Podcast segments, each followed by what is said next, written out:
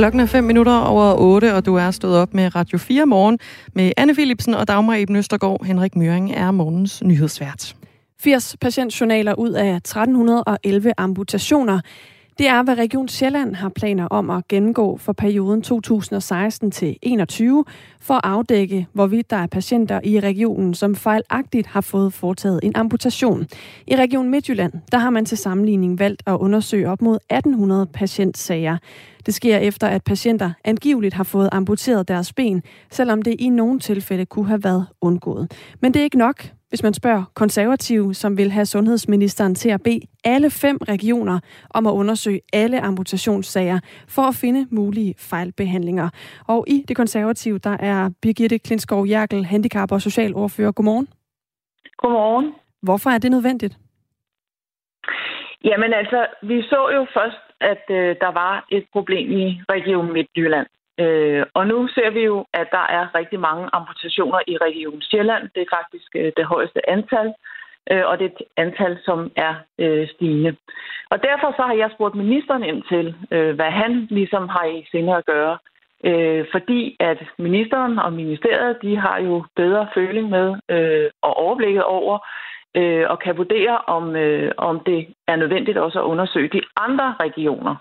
Og hvis de vurderer, at øh, det er nødvendigt, så synes jeg bestemt, at vi skylder borgerne øh, at kigge på det her. Fordi der kan jo rent faktisk sidde nogle mennesker, øh, hvis amputation måske kunne være undgået. Det kan vi jo ikke vide, øh, hvis ikke det bliver undersøgt. Og derfor har jeg ligesom spurgt ministeren ind til, hvad ministeren har i sinde at gøre. Sagen om amputationer har jo udviklet sig efter DR og Ekstrabladet i foråret skrev, at siden 2016, der har op mod 90 patienter i Region Midtjylland om året fået amputeret benet, selvom det kunne være undgået. En ekstern analyse i Region Midtjylland viste så, at behandlinger til at forebygge amputation på afdelingen for karkirurgi generelt udføres for sent i behandlingsforløbet på Aarhus Universitetshospital, og det betyder også, at man øger risikoen for amputation.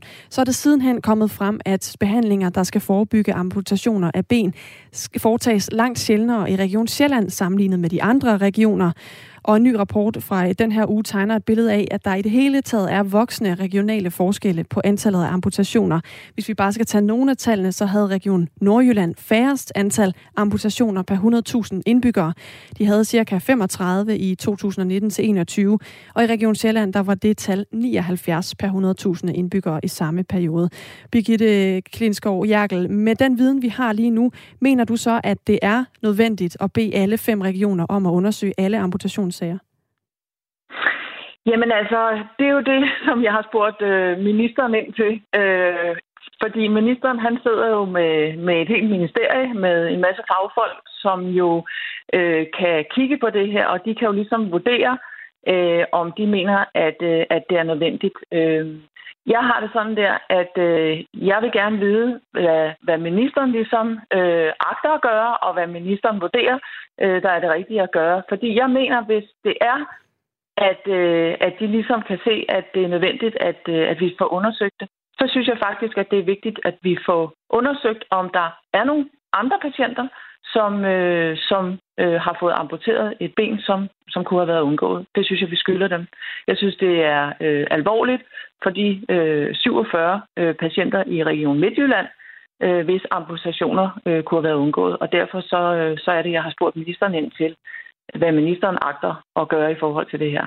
Så vil sundhedsministerens svar på dit spørgsmål er, at det ikke er aktuelt at bede alle fem regioner undersøge alle amputationssager, så er det også okay for dig? Jamen, så må jeg jo øh, øh, øh få en forklaring på selvfølgelig, øh, hvad det er, ministeren vurderer det her ud fra.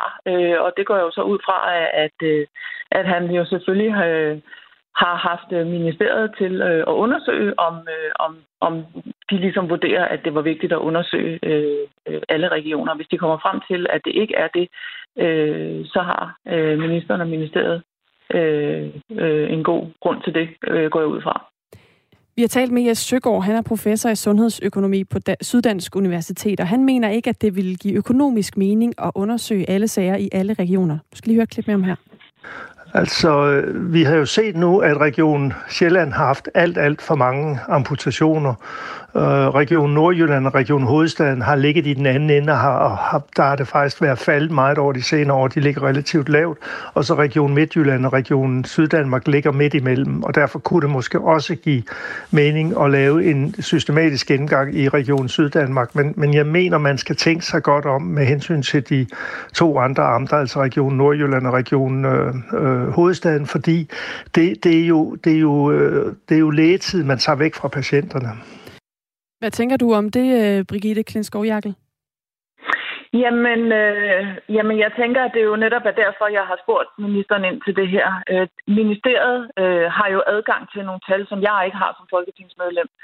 Så det eneste, jeg kan gøre, det er jo at spørge ministeren og ministeriet, hvad er deres vurdering af, af det her? Øh, og det er jo ligesom det, jeg kan forholde mig til. Det er det svar, jeg så får, får tilbage fra ministeren på et eller andet tidspunkt. Øh, jeg har ikke de tal, øh, og jeg øh, har ikke de fagfolk, øh, jeg kan spørge som, som folketingsmedlem, som, som ministeren har. Det er jo øh, også en, øh, en del af det er selvfølgelig økonomien. Noget andet, som øh, Jes Søgaard her, han, øh, han nævnte, da vi talte med ham, det var også, at det her det handler også om, det er en masse speciallægetid, der skal bruges, fordi der skal sidde læger med kompetence for det her område og undersøge sagerne, når man først begynder at gennemgå dem. Og det vil også kunne få konsekvenser, for eksempel for, at øh, de patienter, der så kommer nu og har brug for behandling, de ville øh, opleve, at øh, der var nogle andre steder, de her lægeressourcer skulle bruges. Øh, er det noget, som øh, får dig til at tænke, at der kunne være måske igen ræson i at undgå, at øh, man gennemgik alle sager? Jamen, det er jo det, der er svært for mig at, at vurdere netop, øh, og, og det er jo netop også, som jeg øh, sagde før, øh, derfor jeg har spurgt ministeren ind til det. Øh, fordi det, jeg kan jo ikke som almindelig folketingsmedlem vurdere det her. Jeg har ikke øh, den faglige ekspertise, øh, og jeg har ikke føling med det, fordi jeg har ikke adgang til de tal, som ministeren og ministeren har øh, på, på sundhedsområdet. Og det er jo derfor, jeg har spurgt øh, ministeren ind til det. Øh, hvad agter ministeren at foretage sig i forhold til det her? Øh, fordi at ministeren jo kan, kan bruge ministeriet til at, at få undersøgt, om det er relevant at undersøge alle andre områder også. Så lød det fra Brigitte Klinskov Jakkel, handicap- og socialordfører for konservativ. Vi har selvfølgelig spurgt sundhedsminister Magnus Heunicke, om han vil stille op til interview. Det vil han ikke, fordi han er på Grønland, men han har sendt følgende svar. Det er uacceptabelt, at der er så store regionale forskelle i kvaliteten af den karkirurgiske behandling og hyppigheden af amputationer. Borgerne skal have den bedste mulige behandling, uanset hvor i landet de bor. Rapporten viser også med tydelighed, at det er muligt at forbedre indsatsen for amputationsraterne. Øh, for amputationsraterne er faldet markant i Region Nordjylland og Region Hovedstaden siden 2016, skriver øh, sundhedsminister Magnus Heunicke til os og fortsætter. Jeg vil derfor bede danske regioner om en plan for, hvordan det sikres, at forskellen mellem regionerne udlignes, så borgerne i hele landet sikres karkirurgisk behandling af højst kvali- højeste kvalitet, siger altså øh, Magnus Heunicke i et skriftligt skriftligt svar til os her på Radio 4. Klokken er 13.30 minut over 8. Det blå hjørne er Radio 4's nye debatprogram med de mest markante borgerlige stemmer. Jeg er fløjtende ligeglad med, hvilken farve folk har. Der er mange blå partier, og de langer også ud efter hinanden. Hvordan i alverden kan det være i Danmarks interesse ikke at give sig selv den mulighed? Er de overhovedet enige om noget? Det, det, det, det trigger det? mig, fordi... Er de nej, det, nej, nej, nej, lad, lad mig nu lige tale ud. Og hvad ved de egentlig i det blå hjørne? Jeg føler en større forpligtelse til at hjælpe ukrainerne, og jeg har også en større lyst til det. Lyt med i dag kl. 11. Radio 4 taler med Danmark. Vi er nødt til lige at tale om menneskehjernen. Ja. Den øh, er omdiskuteret i øjeblikket. Vi skal lige tilbage til øh, sidste år, hvor en øh, gruppe paleontologer havde en teori om, at menneskehjernen har mistet omkring, hvad der svarer til tre bordtennisbolde i størrelse. Og det er et tab, der faktisk skete for kun 3.000 år siden. Det var også noget, der skete for mig i weekenden, da jeg havde tømmermænd. Ja, sådan kan det godt føles nogle gange. ja. Og at der er bordtennisbolde, der popper der rundt ind i hovedet rundt, samtidig. Ja. Ja, nå. Det var altså en uh, teori, der blev omtalt i mange medier, altså at uh, menneskets hjerne var skrumpet. Uh, for eksempel så skrev uh, videnskab.dk også om det. Og nu skriver de om det igen, fordi måske er det ikke sådan, det hænger sammen. Vi har simpelthen stadigvæk øh, de tre tennisbolde, der ellers skulle være øh, flået ud af ørerne, hvad vil jeg sige. Måske. Altså i hvert fald, så er der kommet et nyt studie fra øh, University of Nevada i Las Vegas, som så tvivl om, hvorvidt den her teori, der blev præsenteret sidste år, egentlig holder stik. Forskerne mener ikke, at det datasæt, man brugte, det er retvisende, at man kan bruge det. Og man kan sige, at data det er ret vigtigt når man laver forskning, så er det sådan Så er rimelig det meget grundlaget for det hele. fundamentet. Ikke? Ja. Øhm, de her forskere har genbesøgt det datasæt, altså de grunddata, som man brugte til det her studie sidste år, og fundet frem til, hvis det står til den her gruppe forskere, at størrelsen på menneskehjernen ikke har ændret sig de seneste 30.000 år, formentlig heller ikke engang de seneste 300.000 år. Men det er jo glædeligt nyt. Ja, men det store spørgsmål er jo så, hvem har ret? God gamle. Der er sådan lidt en, øh, en forskerduel her, der, der kører. Det handler om det her med, at øh, datasættet, der var blandt andet en hel masse kranier i det første studie, hvor man havde øh, fundet en masse kranier, kigget på dem, og ud fra det altså konkluderet, at menneskets hjerne er skrumpet.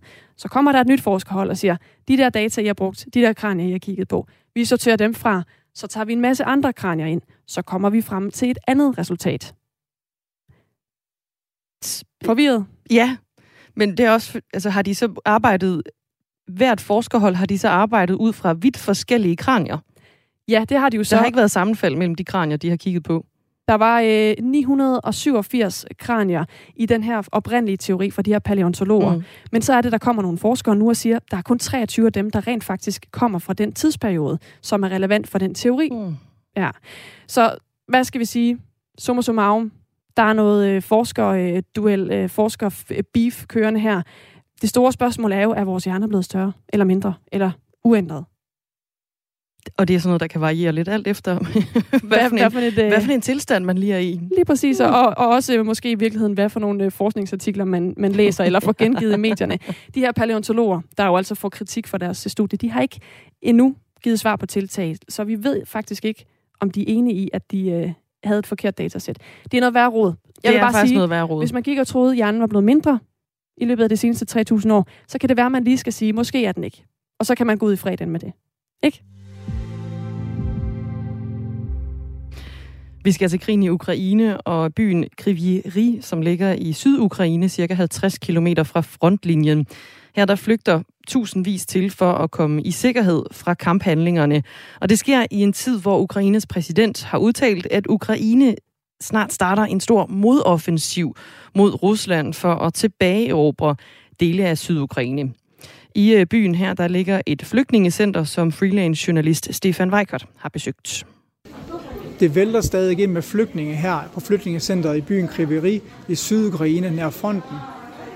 Børn går hånd i hånd med deres forældre og kigger på genbrugstøj og sko. Skoene er legnet op på redike, som var det på et marked. Og her på centret kan de her flygtninge få øh, alt mulig form for hjælp. De kan få en varm seng, de kan få juridisk hjælp, og de har mulighed for at få et varmt måltid og få også tage, tage mad med hjem, der er pakket i poser og forskellige andre ting. Der er også mulighed for at få psykologhjælp her på centret.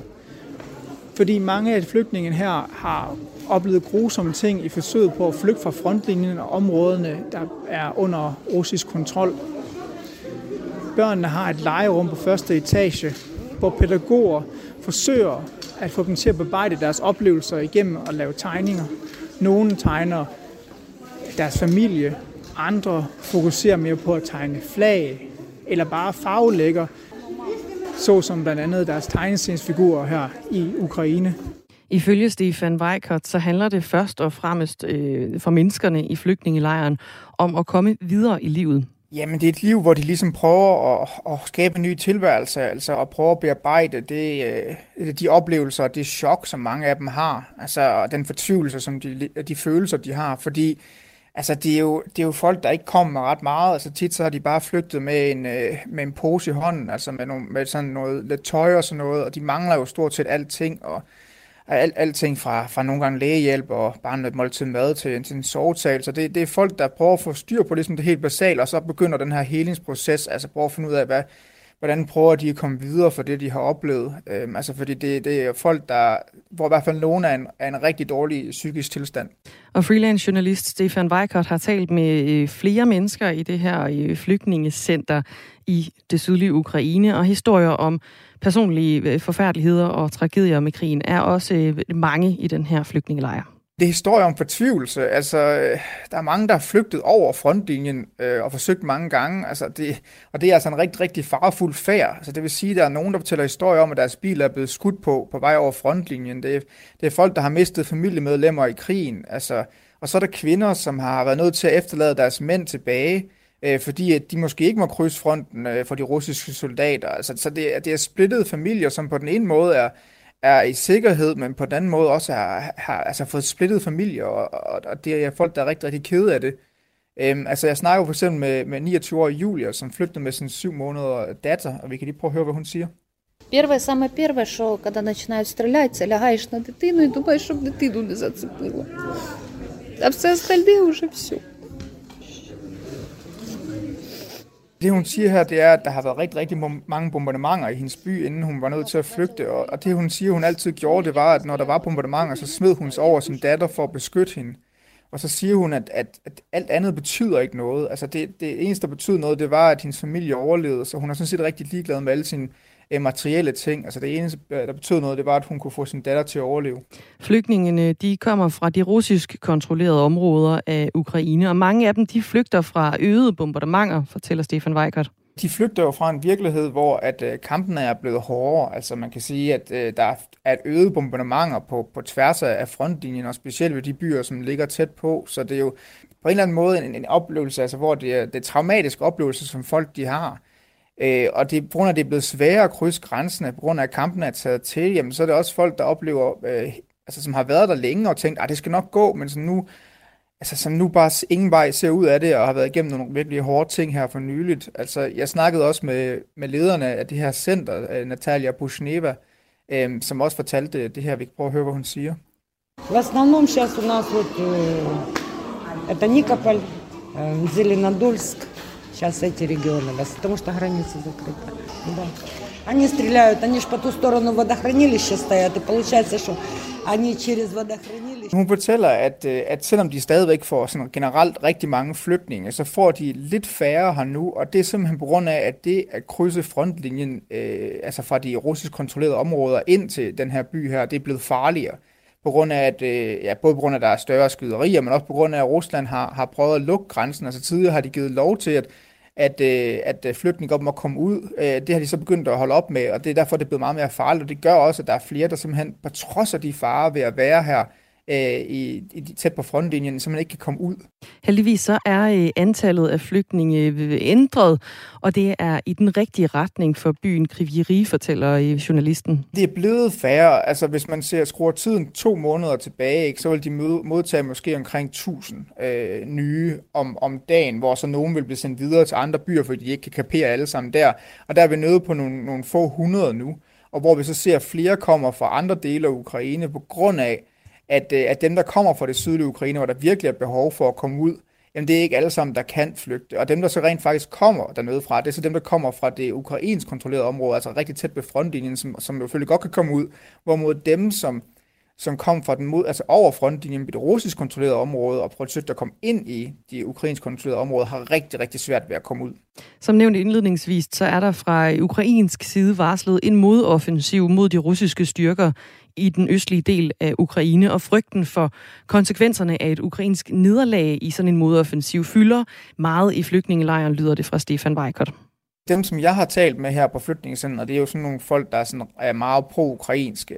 Og det, som de siger, det er jo, at de, de, det er jo et håb for dem, at, at Ukraine får øh, succes med den her modoffensiv. For det vil jo praktisk talt betyde, at de måske kan rejse hjem. Og det er jo det, som de ønsker mere end noget andet, det er at komme hjem til deres landsby eller deres, øh, deres by. Men deri ligger der også, at folk har en frygt for, at det så slår fejl. Fordi hvis nu, at Ukraines modoffensiv nu slår fejl, og det viser sig, at Ukraine ikke har de militære muskler til at slå øh, Rusland tilbage, så vil det også, siger folk også betyde, jamen altså, har vi så overhovedet kapaciteten til at gøre noget, eller har vi bare mistet de her områder? Altså der er en frygt for, at hvis Ukraine slår fejl med den her modoffensiv, jamen så er deres hjem og så er de her områder, som nu er under russisk kontrol, tabt, fordi så mister man troen på, at Ukraine rent faktisk kan tage noget tilbage. Frygten den bunder også i, at mange af flygtningene med egne øjne har set store øh, mængder russisk krigsmateriale blive fragtet ind over den russiske, over den øh, ukrainske grænse, hedder det. Det er der langt hen ad vejen, altså fordi at det, at det er også folk, der fortæller, at de har jo over de sidste måneds tid, ikke, hvor øh, Ukraine har snakket om den her modoffensiv, har set, at der er kommet rigtig, rigtig meget øh, russisk materiel ind i regionen, altså kampvogne og andre militære køretøjer er kommet ind, Så de har en tvivl om, hvorvidt det, at, øh, at Ukraine rent faktisk vil gøre det, fordi de, de har virkelig set rigtig, rigtig meget krigsmateriel komme ind i regionen, netop for at for, forsvare mod den her ukrainske modoffensiv, som Zelensky snakkede om fortalte freelance journalist Stefan Weikert, som har besøgt en flygtningelejr i byen Kriviri i Ukraine. I onsdags var der sommergruppemøde, pressemøde hos Dansk Folkeparti. Og på det her pressemøde, der benyttede formand Morten Messersmith lejligheden til at invitere Danmarksdemokraternes formand Inger Støjberg til en debat. Det sagde han altså på pressemødet i onsdags. Jeg tror, der er mange, der har en opfattelse af, at hvis man stemmer på Danmarksdemokraterne, så får man nok det samme, som hvis man stemmer på Dansk Folkeparti. Og den øh, misforståelse skal vi selvfølgelig have råd bod på. Og derfor så har jeg en, øh, en invitation øh, som jeg håber, I vil også vil være øh, med på at være mellemmand til, nemlig til Inger Støjberg om at møde mig i øh, debat, øh, sådan at vi kan få afklaret, hvor er det, vi ser ens på tingene, og hvor er det, der er forskellen mellem vores partier. Og den politiske debat bliver til virkelighed, når de to mødes sammen med Nye Borgerliges Lars Bøge Mathisen i det borgerlige debatprogram her på kanalen, der hedder Det Blå Hjørne. Det gør det i dag kl. 11.05. Og i går der lagde Morten Messersmith et skriv på Facebook. Han skriver blandt andet øh, sådan her. Der er meget, der samler os to og de danskere, som gennem årene har givet os deres støtte. Og det vil jeg tale om, ikke mindst for danskernes skyld, så vi sammen kan forhindre, at et rødgrønt flertal gør livet endnu mere besværligt for os alle. Men der er også alt det, som øh, skiller, og som gør, at Dansk Folkeparti og Danmarksdemokraterne ikke er et og samme parti. Jeg er sikker på, at der bliver plads til både kritik og selvkritik i en åbenhjertig diskussion om Danmarks fremtid, skrev Morten Messersmith altså på øh, Facebook i går. Noget, der i hvert fald er plads til, når der er debat i dag i det blå hjørne, det er et spørgsmål fra dig, der lytter med.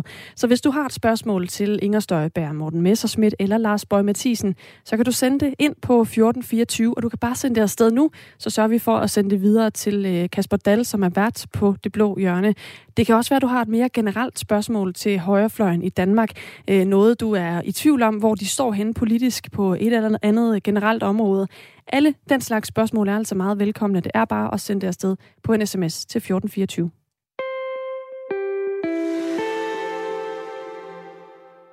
Der er blevet en dags kortere ventetid til VM i fodbold. Jeg ved ikke, om det er en god eller en dårlig nyhed. Hvis man er sådan en, der går og venter på det. Det er jo lidt en varm kartoffel. Det er det lidt, men der har også bare været stor kritik af VM i Qatar. Præcis, det er nemlig det. Så vil man gerne have, at det kommer tættere på? Hmm. Ja, det, det er svært at, øh, at sige. Men det jeg i hvert fald kan sige, det er, det kommer til at gå i gang den 20. november i stedet for den 21. november. Uha. Hold da op. Det var oprindeligt planlagt, at det var den 21. så er der 24 timer mindre, man skal sidde rigtig og glæde sig. Ja, eller Sikkert være bekymret for, hvad der foregår, eller hvad man nu har, øh, hvad for et øh, sted man står i den uh, diskussion. Og så kommer åbningskampen også til at blive en anden. Det Nå. var egentlig meningen, at åbningskampen var Holland og Senegal. Men det bliver nu værtsnationen Katar og Ecuador, som skal starte VM. Det giver måske meget god mening, det er værtsnationen, der sådan ligesom ligger fra land. Ja, altså det var også meningen, de skulle spille den 20. november, men der var det sådan en plan, at der skulle spilles to kampe på den første dag og sådan noget der. Og nu mm. har man så sagt værtsnationen. Traditionelt er det jo altid øh, værtsnationen, der åbner VM eller EM osv. Og, og det var altså også det, som er FIFAs begrundelse til, at man har ændret kampplanerne. At man vil gerne videreføre den her tradition om, at man åbner VM med en kamp, hvor værterne eller de forsvarende mestre deltager. Og det gør man altså så nu. Og så bliver Hollands øh, møde med Senegal udskudt en dag. Mm. Så der er masser af, af rykken rundt på datoer, et lille kalenderpuslespil.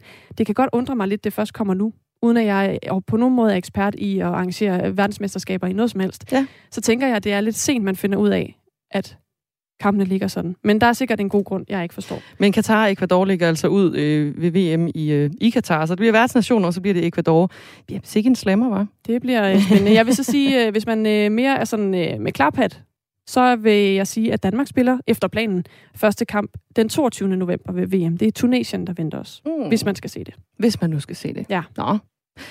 Øhm, noget, der også øh, ligger lidt kortere ud i fremtiden end øh, tidligere, det er, hvad vi skal lave på den anden side af en omgang nyheder med Henrik Møring. Vi skal blandt andet øh, omkring øh, øh, vores firebindede vinder. Et nyt studie har øh, konkluderet, at den moderne familiehund kæmper med ensomhed og øh, angst. Faktisk så har den frit strejfende landsbyhund det er bedre end familiehunden, når det kommer til hunden. Så den mentale ved og vel, det er en historie, vi dykker ned i her på den anden side af en øh, omgang nyheder. Og så skal vi altså også videre med den her historie om amputationer, som øh, foregår rundt omkring i det danske sundhedsvæsen, hvor øh, blandt andet konservative, de gerne lige vil have, at sundhedsministeren kigger lidt dybere ind i, og man skal undersøge det hele lidt, lidt nærmere. Vi vender det hele efter nyhederne, som kommer her. Klokken er halv ni.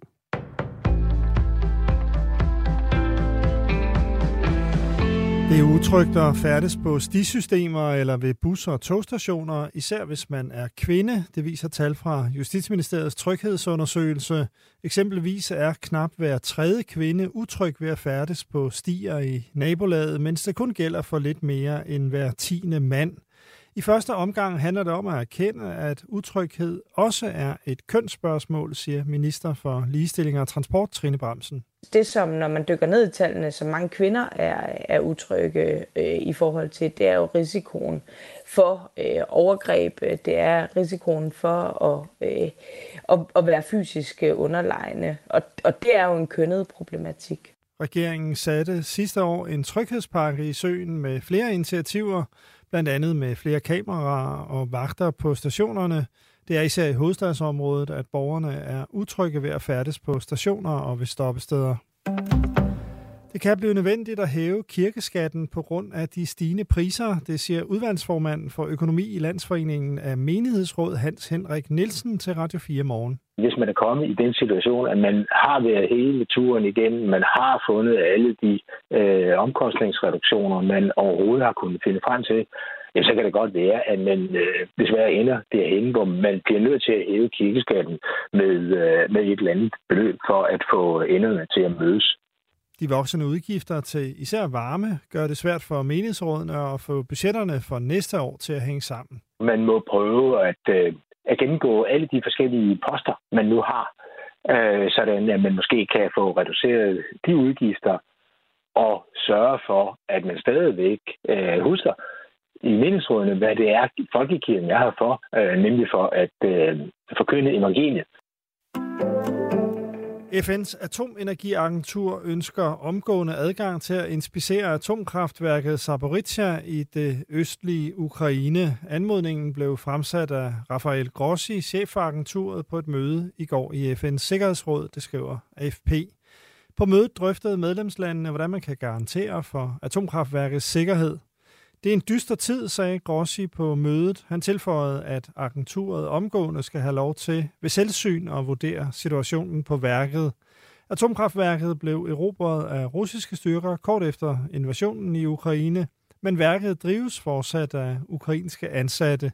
De to lande beskyldte i går modparten for at stå bag nye affyringer af granater nær atomkraftværket.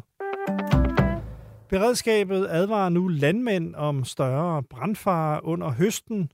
Det varme og tørre vejr gør, at der er større risiko for at sætte ild i marken, siger sekretariatschef i Danske Beredskaber Bjarne Nigård. I og med, at der er så tørt, øh, både på marken og rundt om marken, som det er nu, jamen, så skal der ikke meget til for at antænde øh, en brand. Og en enkelt sten, der lige øh, rammer forkert, forkert på, øh, på, et, på et maskineri i marken, hvor, hvor der jo er tør vegetation, det kan altså være med til at antænde en brand. Øh, og derfor så er det ekstra vigtigt, at man kigger sig godt for og, øh, og er opmærksom, når man er i marken. Der er udsigt til hedebølge i weekenden, melder DMI. Især på søndag er brandfaren høj til meget høj over det meste af landet, viser brandfareindekset. Så det er en god idé lige at tænke sig en ekstra gang om i forhold til det, man foretager sig, specielt hvis det involverer åben ild. Det er også varmt i dag og solrigt med temperatur op mellem 25 og 30 grader. Vinden bliver svag. I aften fortsat sol og i nat klart vejr.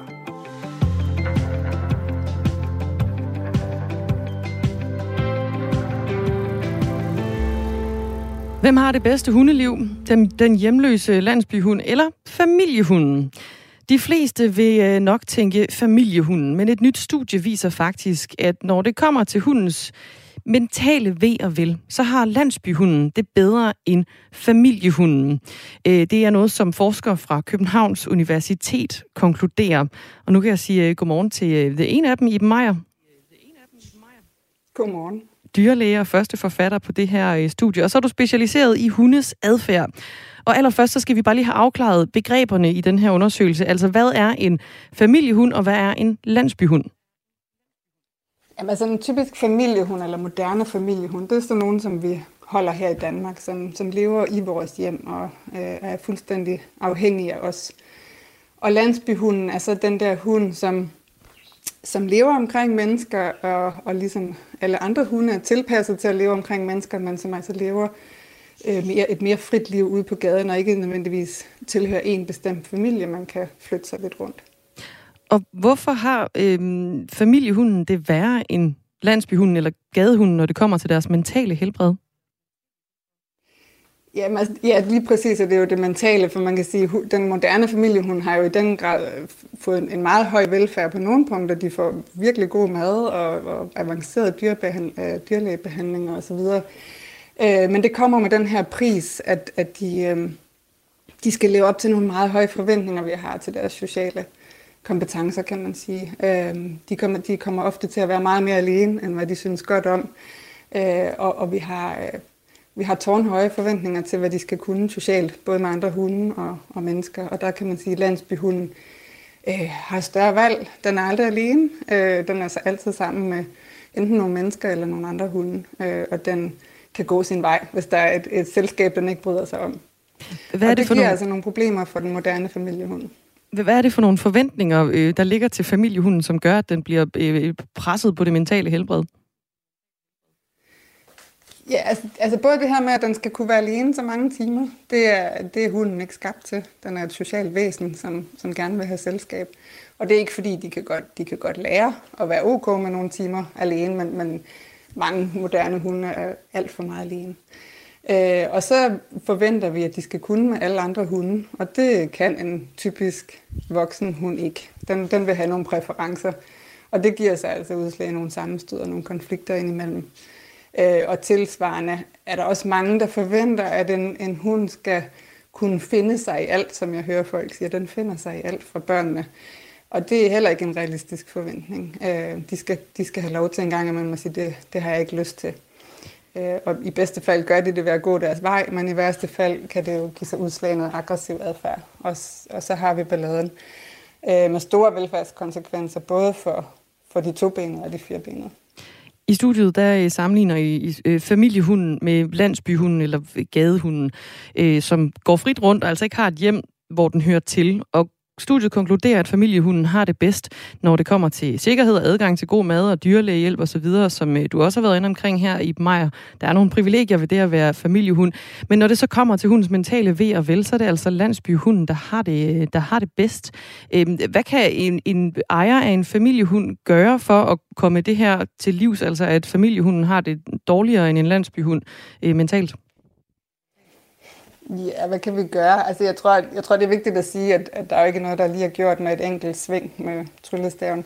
Øh, men der er selvfølgelig nogle ting, som jeg tror kan, kan forbedre eller højne velfærden for, for den generelle hundepopulation, moderne familiehundepopulation. Og det første er, at vi skal tænke os godt om, inden vi får en hund. Øh, har vi tid til den, og har vi overskud til den? Øh, så den ikke bare skal ligge alene hjemme hele dagen, eller blive trukket rundt i nabolaget i en kort snor, fordi vi skal nå hjem til TV-avisen, men at, at vi sætter, altså, har mulighed for at sætte tid af til den hver dag. Øh, så skal vi sætte os ind i, hvad det er for en art. Altså, at det er en hund. Det er ikke et lille barn, men det er heller ikke en ulv. Det, det er noget, noget helt tredje. Øh, og, og hunde har nogle behov, som vi har været inde på, sociale behov og behov for at kunne vælge til, til og fra, og behov for fysisk motion og mental stimulation. Øh, og så tror jeg, at vi skal blive rigtig meget bedre til at kigge på individet øh, foran os og lære at aflæse den hund, der står foran os. Fordi mange har en forestilling om en hund, som måske holder for gennemsnittet, men, men hvis man kigger på sin egen hund, der står lige foran en, så kan det være, at den afviger lidt. Og det skal vi også kunne tilpasse os. Så lyder det altså fra øh, Iben Meier, som er øh, dyrlæge og første forfatter af det her studie, som er øh, specialiseret i hundes adfærd. Jeg kan også sige godmorgen til Lise Lotte Christensen. Godmorgen. Adfærdskonsulent hos Dansk Kennelklub, som er Danmarks største organisation for hundeejere. Hvad siger du til det her øh, studie, at den moderne familiehund har det værre mentalt end den fritstrejfende landsbyhund? Altså, jeg vil godt lige præcisere, at øh, de der fritstrejfende landsbyhunde, der omtales, det er jo, øh, det er jo meksikanske fritstrejfende landsbyhunde, fordi dem har vi jo ikke i Danmark. Men når det er sagt, så synes jeg, det er en, øh, så er studiet en god påmindelse om, at det er jo et, øh, som I også siger, så er det jo et, øh, det er jo et socialt rovdyr, vi tager til os. Og selvom øh, vi har tæmmet på, øh, på den her udgave i, i mange tusind år siden den, vi ned, øh, siden den nedstammede fra ulven, ikke også, øh, så, så har den stadigvæk nogle behov for at være social, og for at være sammen med os, og for at have et liv i bevægelse. Og at velfærd er meget mere end at have mad i maven og, øh, og have øh, den dyreste hundeseng at ligge i. At, øh, øh, jeg tænker nogle gange på, at, at hvis jeg ser en, en vagabund på, på landevejen, som har en øh, sådan en lille øh, blandingshund siddende op i øh, indkøbskurven der, eller der går ved siden af, øh, indkøbsvognen selvfølgelig, øh, eller går ved siden af, af hans... Øh, af hans øh, lille vandrende hjem der, så ser den glad og tilpas ud, for den er med på farten, og den oplever noget, og den får nogle indtryk i løbet af dagen, og så får den lidt madhister her, og, og så har den nogen at putte sig med om aftenen. Og, og øh, vi skal bare huske på, som hun har, som I også siger, at, at øh, det er jo en livsstil, vi tager på os, når vi anskaffer os hund. Det er ikke en accessory til, til vores hjem, det er en livsstil. Det forpligter at have et øh, sådan et aktivt dyr ved siden af sig, som er skabt i bevægelse. De vil gerne være med. Så, øh, så de 10, 12, 15 år, vi har en hund, så skal vi jo øh, tilpasse os den livsstil. Det er fint med en, en præcisering også i forhold til det her med det meksikanske øh, ved gadehunde, man har kigget på. Det er ret sjældent, man ser en, en omstrejfende hund i Danmark, må man jo, må man jo sige, Lise Lotte Christensen, adfærdskonsulent hos Dansk Kennelklub. Men de her, altså, de her nye, øh, øh, det her nye studie, er det noget, der overrasker dig, at, at øh, familiehunden har, så dårligt, øh, har det så dårligt mentalt? Nej, jeg vil, og jeg vil sige, de, det er heller ikke, fordi de nødvendigvis alle hunde har det dårligt mentalt.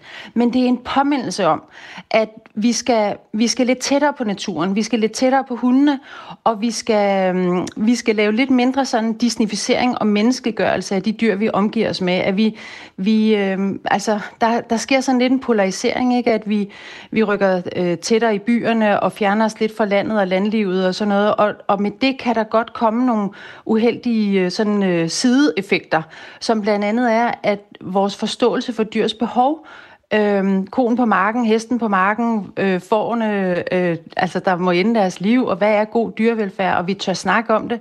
Og det her med, at, at øh, det, det er fint at have hund i byen, den kan sagtens trives, men den vil gerne være med på farten. Og som Iben også siger, så er hunde meget forskellige, og at vi også øh, ser ind i hundens behov i forhold til, jamen det kan godt være, at den er social, men den er måske ikke social i en udstrækning, at den synes, det er fedt at skulle være sammen med alle 80 hunde nede i hundeparken. Ikke? At, man, at man får en forståelse for, for både hunden som art, men også for individet. Øhm. Er, det et, er det et vilkår for familiehunden, at den øh, skal have det værre mentalt end en omstrejfende hund, eller øh, er det øh, noget, der kan gøres noget ved? Det kan der gøres noget ved. Og Dansk Indklub tilbyder træning og aktiveringskurser og forståelse i hunds adfærd og behov over hele landet. Både kan man sige, hvor man møder op fysisk med sin hund og lærer en hel masse og, og forstå den bedre og til gode se dens behov, men der er også alle mulige online tilbud og kurser, man kan melde sig til, øh, så man øh, også hjemme kan blive klogere på, øh, på hundens adfærd og behov, og hvordan man bedst til gode ser dens, øh, dens mentale velfærd. Og så er det jo vigtigt, at vi snakker om det, præcis som I tager emnet op i dag, og studiet øh, sætter fokus på det, at vi hele tiden bliver mindet om at snakke om, at hvad er det, vi, altså, når vi tager dyr til os, at vi så sætter dyrenes behov øh, øverst, for de har ikke valgt os, vi har valgt dem. Og hvad er det så, vi skal gøre for at give dem det bedst mulige liv under de rammer, vi kan tilbyde? Sådan lød det altså fra øh, Lise Lotte Christensen, som er adfærdskonsulent i Dansk Kennel Klub. Øh, det her det er også noget, som øh, sætter gang i sms'en. Der er en, der skriver her, Bonderøvens hund har det godt. Den følger ham hele dagen på Kastanjegården. Jeg gætter på, at det er en henvisning til Frank, der render rundt ud på Kastanjegården og bliver sendt på DR. Ja, Vores hunde er såkaldte familiehunde. De er aldrig alene hjemme, bliver brugt til jagt og er også med på ferier. Jeg tvivler på, at en omstrejfende landsbyhund har det bedre, skriver Tine i Hirtals. Hunde trives bedre, jo mere frihed den har. Det samme gælder mennesker. Det er tydeligt lige for tiden. Det ene forbud efter det andet, og enormt øget, start, stat, enormt øget statsstyring har gjort folk hamrende ustabile, og psykiatrien kan slet ikke følge med, skriver Steven. Kenneth får lov til lige at øh, lukke øh, den sms-debat øh, med et mere filosofisk input. Det lyder meget som om hunden virkelig ligner dens ejer. Vi er også virkelig privilegeret med hensyn til mad og luksus, men vores psykiske velfærd er helt i hundene. Klokken er 16 minutter i 9. De konservative vil have sundhedsministeren til at kigge nærmere på, om alle fem regioner skal undersøge alle amputationssager for at finde mulige fejlbehandlinger. Sådan lyder det fra Brigitte Klinskov Jærkel, der er handicap- og socialordfører for konservativ. Ministeren og ministeriet, de har jo bedre føling med øh, og overblikket over, øh, og kan vurdere, om, øh, om det er nødvendigt også at undersøge de andre regioner. Og hvis de vurderer, at øh, det er nødvendigt, så synes jeg bestemt, at vi skylder borgerne øh, at kigge på det her. Fordi der kan jo rent faktisk sidde nogle mennesker, øh, hvis amputation måske kunne være undgået. Det kan vi jo ikke vide, øh, hvis ikke det bliver undersøgt. Godmorgen, Marianne Lund. Godmorgen. Din galleblære sprang på grund af en gallesten i slutningen af 2016, og det betød, at du fik et septisk chok, som betyder, at du fik blodforgiftning i hele kroppen. Fem måneder efter fik du så amputeret begge dine ben på Hillerød Hospital i Region Hovedstaden. De seneste dage, der har vi jo hørt en masse historier om benamputationer i Region Sjælland, der kunne være undgået. Og i foråret, der havde vi lignende historier fra øh, Region Midtjylland. Vi ved ikke nu i Region Sjælland, hvor mange af sagerne, der eventuelt kunne have været undgået. Vi ved bare, at de har foretaget forholdsmæssigt flere benamputationer, skal jeg lige have med her. Men hvordan har alle de her sager, som vi hører om i øjeblikket, påvirket dig som benamputeret? Jamen, de påvirker jo en ved, at øh, man egentlig tænker over, om det er rigtigt, det der er blevet gjort. Øh, og om, om lægerne gør det, de skal, når man kommer ind på hospitalet. For mit vedkommende føler jeg i hvert fald ikke, de har gjort det, de skulle. Hvad er det ved din situation og den øh, proces, der foregik, da du endte med at få øh, amputeret dine ben, hvor du tænker, her kunne der godt være sket nogle fejl? Jo, men jeg øh, har været inde på hospitalet et par gange med, med, med ondt i maven, og de trykker mig bare på maven, uden at få scannet mig, og siger simpelthen, at jeg bare har luft i maven. Øh, og det mener jeg jo øh, er, er helt forkert, at man ikke øh, hører efter, hvad patienten siger. Fordi det gjorde de ikke. Den ene gang, der var det min læge, der indlagde mig med muligvis tarmsvøm. Og så fik jeg en stikpille, og så var det det. Så du tænker, at hvis der var noget mere forebyggelse i din situation, så kunne du måske have undgået amputationerne? Ja, det mener jeg 100 procent. Marianne Lund, bliv øh, endelig hængende på linjen, så skal vi også lige sige godmorgen til Philip Nielsen. Er du med? Du er med der. Ja. Du fik i 2020 amputeret begge dine ben på Rigshospitalet efter et kraftforløb. Og det betyder også, at din sag i, den her øh, konkrete, i det her konkrete tilfælde er også Region Hovedstaden. Nu har vi øh, talt en del om nogle af de andre regioner og deres uh, antal af amputationer. Hvordan har det påvirket dig, at der er kommet de her historier, også om mulige fejlbehandlinger?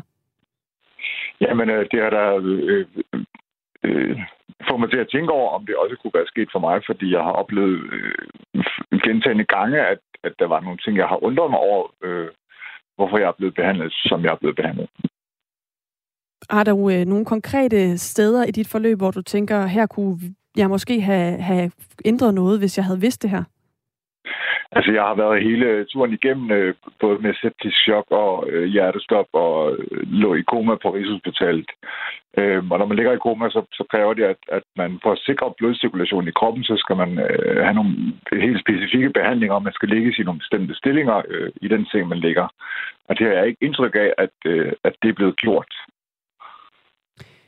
Vi taler jo altså med øh, Marianne Lund og Philip Nielsen, som begge har fået amputeret øh, deres ben efter øh, forskellige forløb, der gik forud for, og som jo altså også begge to er forløb, der er foregået i Region Hovedstaden. Og det gør vi jo, fordi konservative vil have sundhedsministeren til at se nærmere på, om alle fem regioner bør undersøge alle amputationssager for at finde mulige fejlbehandlinger. Det kommer efter et øh, længere øh, forløb, hvor øh, blandt andet DR og Ekstrabladet i foråret kunne skrive, at øh, siden 2016 der er der op mod 90 patienter i Region Midtjylland om året, der har fået amputeret benet ved hofte, lår, knæ eller underben, selvom det kunne være under, undgået. Og så øh, kom der også en rapport tirsdag i den her uge, der tegner et billede af voksne regionale forskelle på antallet af amputationer. Øh, for eksempel så havde Region Nordjylland færrest antal af amputationer per 100.000 indbyggere. Der var cirka 35 i perioden 2019 til 21, og i Region Sjælland lå så i den anden ende af skalaen med flest øh, amputationer per 100.000 indbyggere, 79 i den samme periode. Marianne Lund, med det her en mente, så er det jo altså, et konservativt konservativ har bedt sundhedsministeren overveje, om man øh, skal bede alle regioner om at undersøge alle amputationssager. Hvad synes du om øh, det forslag? Jamen, jeg synes, det er helt fint, fordi vi skal kigge det hele igennem, fordi der er så mange, der burde have haft deres ben i dag, hvor de ikke har. Så min mening er, at alt skal kigges igennem. Philip Nielsen, hvad vil det betyde for dig, hvis din sag i Region Hovedstaden blev undersøgt? Jamen, det vil grundlæggende betyde, at man, man får en, en større ro. Øhm, hvis de tanker hele tiden kører i ens hoved, om, om det kunne have været anderledes, øh, så, så bliver man påvirket af det i, øh, i lang tid. Øh, så frem, sandheden skal selvfølgelig frem. Øh, finde ud af, hvad der præcis er sket. Er det tanker, der kører i dit hoved, nu hvor du øh, er, er endt der, hvor du er, at du måske kunne have beholdt øh, benene, hvis du havde, øh, hvis ikke det her var sket? Altså, det har været lidt, øh, lidt skiftende og svingende, hvor meget jeg har tænkt på det, men det er jo helt klart kommet op igen øh, i forbindelse med, med alle de sager, øh, der kører i medierne. Øhm, og tanken om at, om, at jeg kunne være en af dem, har da helt klart også strejfet mig. Tidligere på morgenen, der talte vi med Jes Søgaard, som er professor i sundhedsøkonomi på Syddansk Universitet. Han mener ikke, det vil give mening at undersøge alle sager i Region Hovedstaden for eksempel. Vi skal lige høre et klip med ham her. Altså, øh, vi har jo set nu, at Region Sjælland har haft alt, alt for mange amputationer. Øh, Region Nordjylland og Region Hovedstaden har ligget i den anden ende, og har, har, der har det faktisk været faldet meget over de senere år. De ligger relativt lavt. Og så Region Midtjylland og Region Syddanmark ligger midt imellem, og derfor kunne det måske også give mening at lave en systematisk gennemgang i Region Syddanmark. Men, men jeg mener, man skal tænke sig godt om med hensyn til de to andre amter, altså Region Nordjylland og Region øh, øh, Hovedstaden, fordi det, det, er jo, det, er jo, øh, det er jo lægetid, man tager væk fra patienterne. Ja, så der er altså selvfølgelig et økonomisk aspekt i, hvad det vil koste at øh, undersøge de her sager, men noget af det, som jeg Søgaard også fremhæver, det er, at øh, så snart man skal ind og undersøge de her sager, så har man brug for speciallæger, for eksempel i karkirurgi, som også er nogle af de læger, der skal bruges, når man øh, skal vurdere og forebygge amputationer. Marianne Lund, kan du øh, følge det argument her, at det også handler om at forebygge, at der sker endnu flere måske fejl, fordi man bruger ressourcerne til at undersøge tidligere fejl? Ja, det kan jeg godt forstå, men jeg kan alligevel ikke forstå, at det ikke skal tjekkes. Altså, fordi jeg synes simpelthen, at, at øh, vi har jo også et liv, og vi skal også have et liv efter alt det her. Øhm, og det er der bare nogle mennesker, der ikke kan få. De kan ikke få ro, hvis de ikke får at vide, om det er en fejl eller ikke en fejl. Noget af det, som jeg Søgaard også fremhævede, da vi talte med ham, det var, at øh, en alternativ mulighed er jo, at dem, der nu mener, at de kunne være blandt dem, der var blevet fejlamputeret, de selv tog fat i øh, praktiserende læge for eksempel, eller gik igennem andre instanser, for at se, om sagen var behandlet korrekt, og i givet fald, øh, hvis ikke, og man så kunne få erstatning. Har du overvejet at selv på den måde undersøge din sag? Jeg har undersøgt min sag, øh, hvor jeg har haft en advokat til at kigge på det, men han kigger jo kun på selve selve den dag, man bliver indlagt og frem. Han kigger ikke tilbage.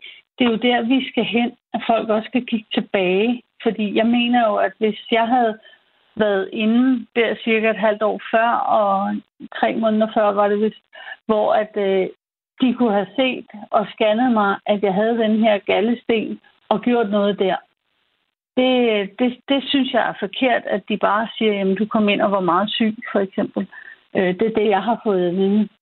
Øh, I går der talte vi også med Amputationsforeningen om netop det her emne, og fra dem lød det, at de opfordrede også mange af dem, der sidder med en fornemmelse i maven af, de måske kunne være blandt dem, der var blevet fejlamputeret til selv at kontakte patienterstatningen, altså gå øh, udenom ventetiden, der i givet fald vil være på undersøgelser. Har du overvejet det, Marianne Lund? Ja, det har jeg, og øh, jeg har faktisk lige skrevet sammen med, med Marianne Palm for vores forening, og, øh, og er i gang med at skal søge det her så det kommer den vej igennem. Så det har jeg overvejet drastisk. Tak fordi du var med her, Marianne Lund, og også tak til dig, Philip Nielsen. Altså øh, begge øh, har været i situationer, hvor de fik amputeret begge ben i øh, forløb, der er foregået i Region Hovedstaden. Kalenderen siger, at det er øh, fredag i dag, og inden vi runder Radio 4 morgen helt dag for den her uge, så skal vi lige aflytte vores Nationen-telefonsvar. Du har ringet til Nationen-telefonen. Læg venligst din holdning efter bippet. Ja, det er Palle fra Kalmborg. Nå, så kunne du ikke dø dig for at skulle høre noget mere fra Palles rejsedagbog. Hold kæft, for må dit liv være meningsløst og mindre spændende end Alex Arnsens sexliv. Men here we go. Palles rejsedagbog del 2. Som anden sorteringsslagtesvin, så bliver vi gennet ind i flyvemaskinen, som allerede koger af varme, fordi samtlige mennesker, som skal med, har et solidt dansk BMI på over 35, hvilket får luftfugtigheden fra diverse hudfolder til at føles som gåtur i Randers regnskov, bare med lugten af menneskerøvsbrække i stedet for gibbernaber. Man finder frem til den anviste plads, hvor man skal tilbringe de næste 3 timer og 40 minutter mod Malagas plastikhelvede og turistinficerede gader. Jamen Palle, så kan du da få en lur og måske høre en spændende lydbog med dejlige Jussi Adler eller Silas Holsts stærke selvbiografi. Ja, jeg kunne også bare sidde og stige ud i luften, fordi jeg fucking fik middagssædet imellem min hestlige kone og en topgravid kost, som med garanti skal ned for at vise rugekassen frem til Gonzales, som skød en spansk klat forbi målmanden for hvad jeg vurderer cirka 8 måneder siden. Og bag mig har en modbydelig ADHD ramt pissung allerede fundet glæde ved at sparke til mit ryglæn, fordi mor Melanie Chantel ikke har tænkt sig at starte en konflikt med hovedungen, så længe hun er ved at tage selfies til Instagram med hashtag vacation time, hashtag ikke mor skal have sol på patterne. Her skal jeg så sidde og få tiden til at gå, imens mine to afkom allerede er gået ved teenagersøvnen, inden deres bumsede røve ramte flysædet. Og mit livs lys og udkårende faker sig igennem Hella Juf-bog, som bitten på hendes arbejde har fundet livsændrende. Nu er tiden så kommet til det store stewardesse-show med sikkerhedsreglementet. Et show, som har færre interesserede tilskuere end et show med Dan Andersen og, og hans nævnyttige guitar. Og jeg skal da gerne indrømme, at jeg er mere klor på de lange ben i nylonstrømper og den korte nederdel, end jeg følger med i, hvad der kan redde mit liv, hvis vi nødlander på en romark i Hartsen. Men hvad kan jeg sige? Jeg lever livet farligt, og nogen mærker adrenalinsuset ved at klatre på bygninger, og jeg skider hul i sikkerheden og glor på dameben. Mit rundstykke og flyvebajer kigger op en enkelt gang fra fritselkælderen, da flyvemaskinen letter fra lille Danevang mod kurs mod det forbandede Malaga, som kun er sat i verden for at franare fedladende nordeuropæere deres penge og vise deres damer, hvad de går glip af i det daglige. Den første stolte viking brækker sig i et af de dertil indrettede poser, og som et præludium til resten af flyveturen begynder de medbragte afkom af Danmarks fremtid at skrige og græde. Endelig kommer salgsvognen, og selvom min kone sender mig bebrejdende blikke, køber jeg på stedet to færnet og en bajer mere til at hjælpe mig igennem begyndelsen på min såkaldte ferie. Og det hele, det hjælper faktisk. Jeg blunder hen. Men jeg kan fandme ikke have lukket øjnene meget mere end tre minutter, før Ritalin uhyret bag mig igen begynder at sparke løs på mit ryglæn. Jeg prøver først at sende hans vestegnsdronning af en mor et par sine blikke, men det praller af på de kunstige øjenvipper, som passende matcher hendes tessavinger på patterne. Til sidst ser jeg ingen anden udvej end at rejse mig op og glo det lille behandlingskrævende møgsvin direkte i øjnene og fortælle ham, at hvis han ikke øjeblikkeligt stopper sin terror, så kommer jeg til at gøre ham til det yngste medlem af Mile High Club ved at presse hans iPad op i hans jomfruelige snævre drengerøv og smide ham ud af flyet over Middelhavet. Jeg har en klar formodning om, at djævleungen forstår mig. Og det gør det, der viser sig at være hans far. Også til venstre for ungen sidder et bjerg af en mand, som tydeligvis har levet flere år bag trammer end uden for trammerne.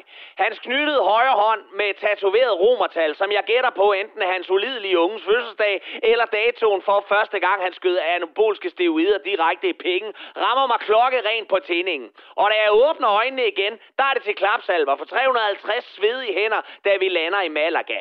Fortsættelse følger, og det var Palle fra Kalmborg.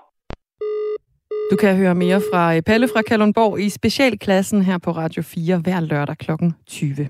Efter nyhederne kl. 9.05 i dag, så kan du høre Ring til Radio 4. De skal uh, diskutere et emne, som vi også har beskæftiget os med her på Radio 4 morgen i den her uge. Det handler om skolemad, og om der skal være uh, mulighed for at få gratis skolemad til alle folkeskoleelever. Det er noget, som Danske Skoleelever, Danmarks Lærerforening og Danske Skoleledere har sagt til os, at de gerne vil have obligatorisk og gratis skolemad. Ja, og ser vi på vores nordiske naboer, så er gratis skolemad en fast del af skemaet, både i uh, Sverige og i Finland, hvor man også har haft det i øh, årvis. Og her er ordningerne altså 100% skattefinansieret. Og i Norge, der tegner der sig et politisk flertal, til os at tilbyde det her ved gratis, altså skattebetalt øh, skolemad. Herhjemme, der vil øh, det kunne koste ifølge beregninger op til 2,2 milliarder kroner om året, hvis man skulle indføre det her skolemad. Så det store spørgsmål i Ring til Radio 4, som du kan være med til at debattere i dag, er, mener du, der skal være gratis, altså skattebetalt med, på landets folkeskoler? Radio 4 Morgen takker af for i dag og er tilbage igen på mandag.